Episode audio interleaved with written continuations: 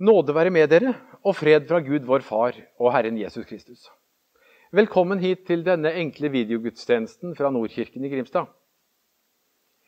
Det er jo blitt denne måten vi samles på nå for tida. Jeg leste i avisa her om dagen at det har ikke vært så få gudstjenester i Europa siden middelalderen. I land etter land så iverksettes det nå sterke tiltak for å hindre koronasmitte. Myndighetene de sier at dette må til. På den andre sida kommer kritikerne og sier at dette blir jo altfor dyrt. Hvis vi fortsetter sånn, så vil jo hele samfunnet kollapse. Så tenker jeg en må jo strekke seg langt for å unngå at folk skal bli smitta og sjuke og dø. Det er jo som når det er krig. Hva gjør en ikke for å unngå krig? Og så tenker jeg jo at det er tøft å være leder i dag. Det er tøffe avgjørelser de står i, de som er ledere. I dette perspektivet så er det interessant å lese søndagens tekst. For der opplever de nærmest en parallellsituasjon til det som vi opplever. Ledelsen i Jerusalem de opplever at de står overfor en alvorlig krise.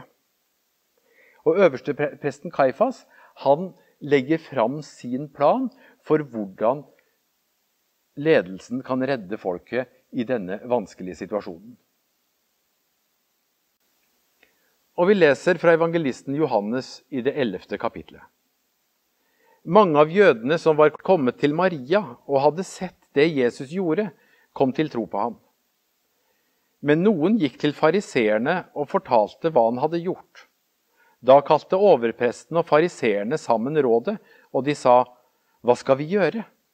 Dette mennesket gjør mange tegn. Lar vi ham holde på slik, vil snart alle tro på ham. Så kommer romerne og tar både det hellige stedet og folket vårt. En av dem, Kaifas, som var øversteprest det året, sa da, Dere skjønner ingenting. Dere tenker ikke på at det er bedre for dere at ett menneske dør for folket, enn at hele folket går til grunne. Dette sa han ikke av seg selv, men fordi han var øversteprest det året, talte han profetisk om at Jesus skulle dø for folket. Ja, han skulle ikke bare dø for folket, han skulle også samle til ett de Guds barn som er spredt omkring. Fra den dagen la de planer om å drepe ham. Slik lyder Herrens ord. Hvis dere fulgte med på det jeg leste nå, så la dere kanskje merke til at denne teksten den er en fortsettelse på noe. Den begynte sånn. Mange av jødene som var kommet til Maria og hadde sett det Jesus gjorde, kom til tro på ham. Så det betyr at det første vi må forklare etter i dag, det er følgende. Hva er det Jesus har gjort? Hva er det han har gjort som folk har sett? For han har gjort et eller annet spesielt. Mange folk hadde vært samla hos ei dame som heter Maria, står det, og noe hadde skjedd. Maria hun bor i Betania. Der bor hun sammen med søstera si, som heter Martha, og broren, som heter Lasarus. Bibelen beskriver disse tre som gode venner av Jesus. Og Det som har skjedd tidligere i kapittel 11, er at Lasarus har blitt alvorlig sjuk, og det går ikke bedre enn at Lasarus dør. Så kommer Jesus til landsbyen, men han kommer for seint. Lasarus er allerede både død og begravd. Men så skjer det. Og Det er det som danner den konkrete bakgrunnen for, for den teksten vi leste. Jesus han vekker Lasarus opp fra de døde. Den døde mannen han står opp av grava, og mange blir begeistra. Mange kommer til tro på han, men myndighetene de er bekymra. Og da er vi inne på det som jeg, som jeg sa innledningsvis. Ledelsen i landet de hadde jo fulgt med på Jesus en stund.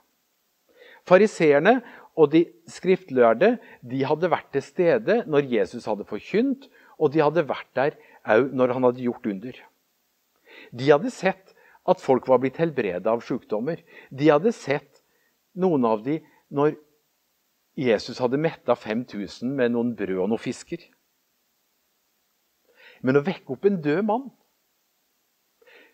Kanskje hadde de hørt rykter om at han skulle ha vekt opp sønnen til ei enke oppe i Nain for ei tid tilbake.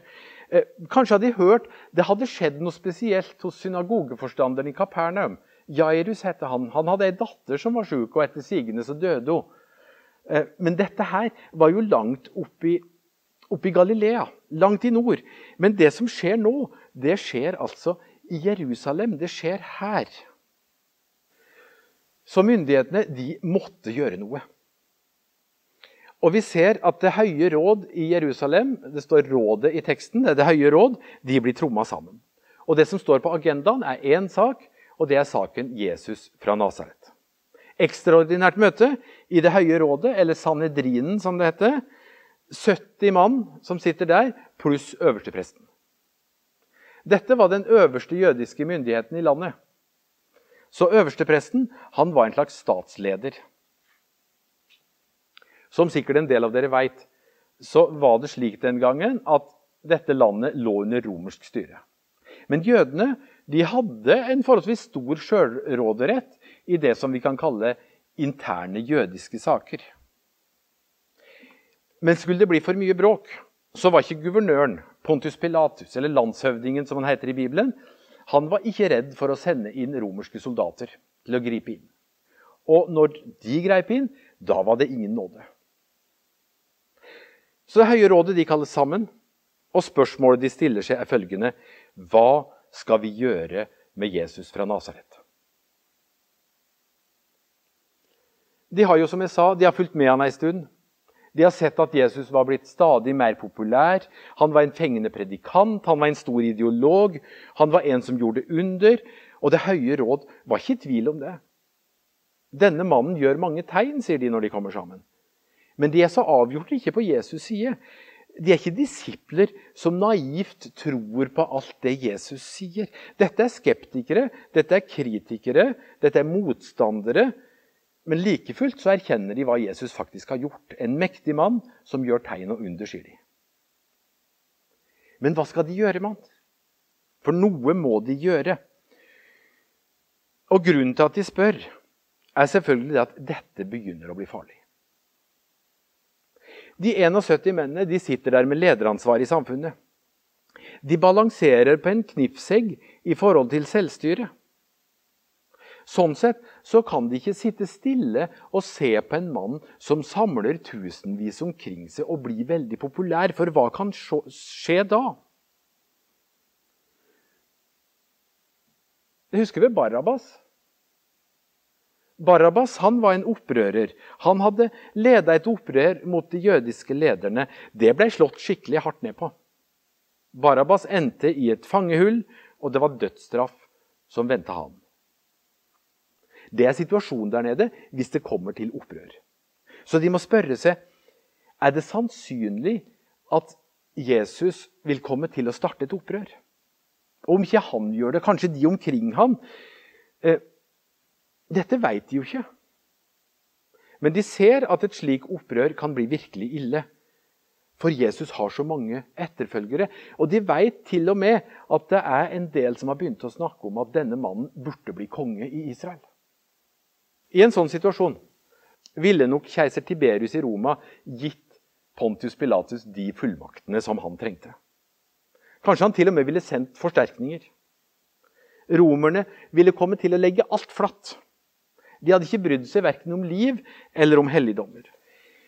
Det er i dette perspektivet vi må forstå det øverstepresten Kaifas sier. Dere skjønner ingenting. Dere tenker ikke på at det er bedre for dere at ett menneske dør for folket, enn at hele folket går til grunne. Her handler det om hva som er best for folket. Det er et kynisk valg. Men hvis en skal velge mellom én mann og et helt folk, så er det jo langt på vei forståelig, det som Kaifas sier. Han mener altså at det er bedre å ofre én mann og beholde freden, enn å risikere opprør og represalier og kanskje krigshandlinger fra den romerske stormakten. Og Det høye rådet de støtter øverstepresten, og de fatter sin beslutning. Fra denne dagen la de planer om å drepe ham. Det var dette som skjedde. Og så sitter apostelen Johannes mange år etterpå og skriver ned sitt evangelium. Han kjenner godt til hva som skjedde i disse dagene. For han var disippel, han hadde vært sammen med Jesus, han var en av de nærmeste. Og han visste hva som var blitt sagt da Det høye, da det høye råd var samla. For det står i Johannesevangeliet at han kjente øverstepresten. Og det var minst to i rådet som trodde på Jesus.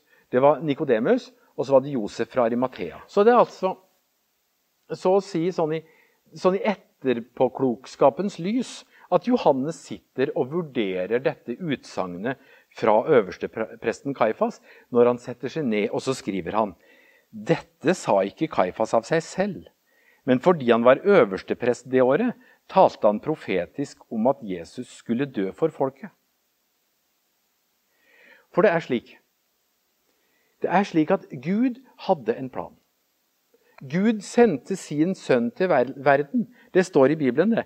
Han ga sin sønn, den enbårne, for at hver den som tror på han, ikke skal gå fortapt, men ha evig liv.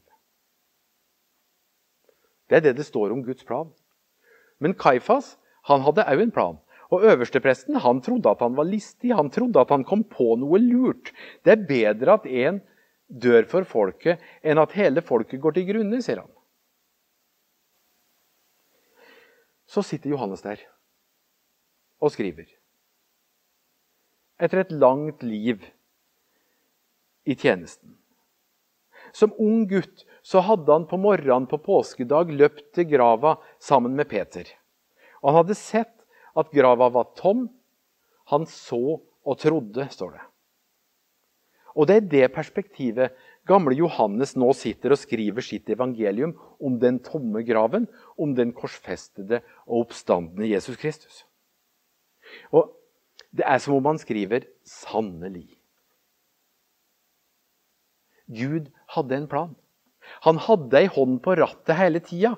Det var faktisk Guds ord øverstepresten talte, sjøl om han sjøl ikke var klar over det.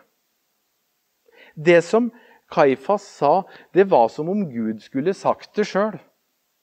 For Guds plan skulle fullendes. Den uskyldige skulle dø for syndere. Ikke fordi Kaifas var lur, men fordi Gud ville det slik. Dette var Guds frelsesplan. Det var derfor Gud ble menneske. Og Kaifas, øverstepresten, uten at han visste det, han blei ei brikke og et ledd i denne planen. Og han talte profetisk, han talte Guds ord, sjøl om han sjøl ikke forsto det. Fordi Gud vil at alle mennesker skal bli frelst og lære å kjenne sannheten. Og Derfor døde Jesus for verdens synder. Derfor døde Jesus i stedet for folket. Derfor døde Jesus i stedet for meg. Derfor døde Jesus i stedet for det. For at døden ikke skal være det siste, men for at vi skal ha et levende håp ved Jesu Kristi oppstandelse fra de døde. Slik redda han hele folket. For hver den som tror på Han, skal ha evig liv. La oss be. Vår Far i himmelen. La navnet ditt helliges, la riket ditt komme. La viljen din skje på jorden slik som i himmelen. Gi oss i dag vårt daglige brød, og tilgi oss vår skyld, slik også vi tilgir våre skyldnere. Og la oss ikke komme i fristelse, men frels oss fra det onde. For riket er ditt, og makten og æren i evighet. Amen. Ta imot Herrens velsignelse. Herren velsigne deg og bevare deg. Herren la sitt ansikt lyse over deg og være deg nådig. Herren løfte sitt åsyn på deg og gi deg sin fred. Amen.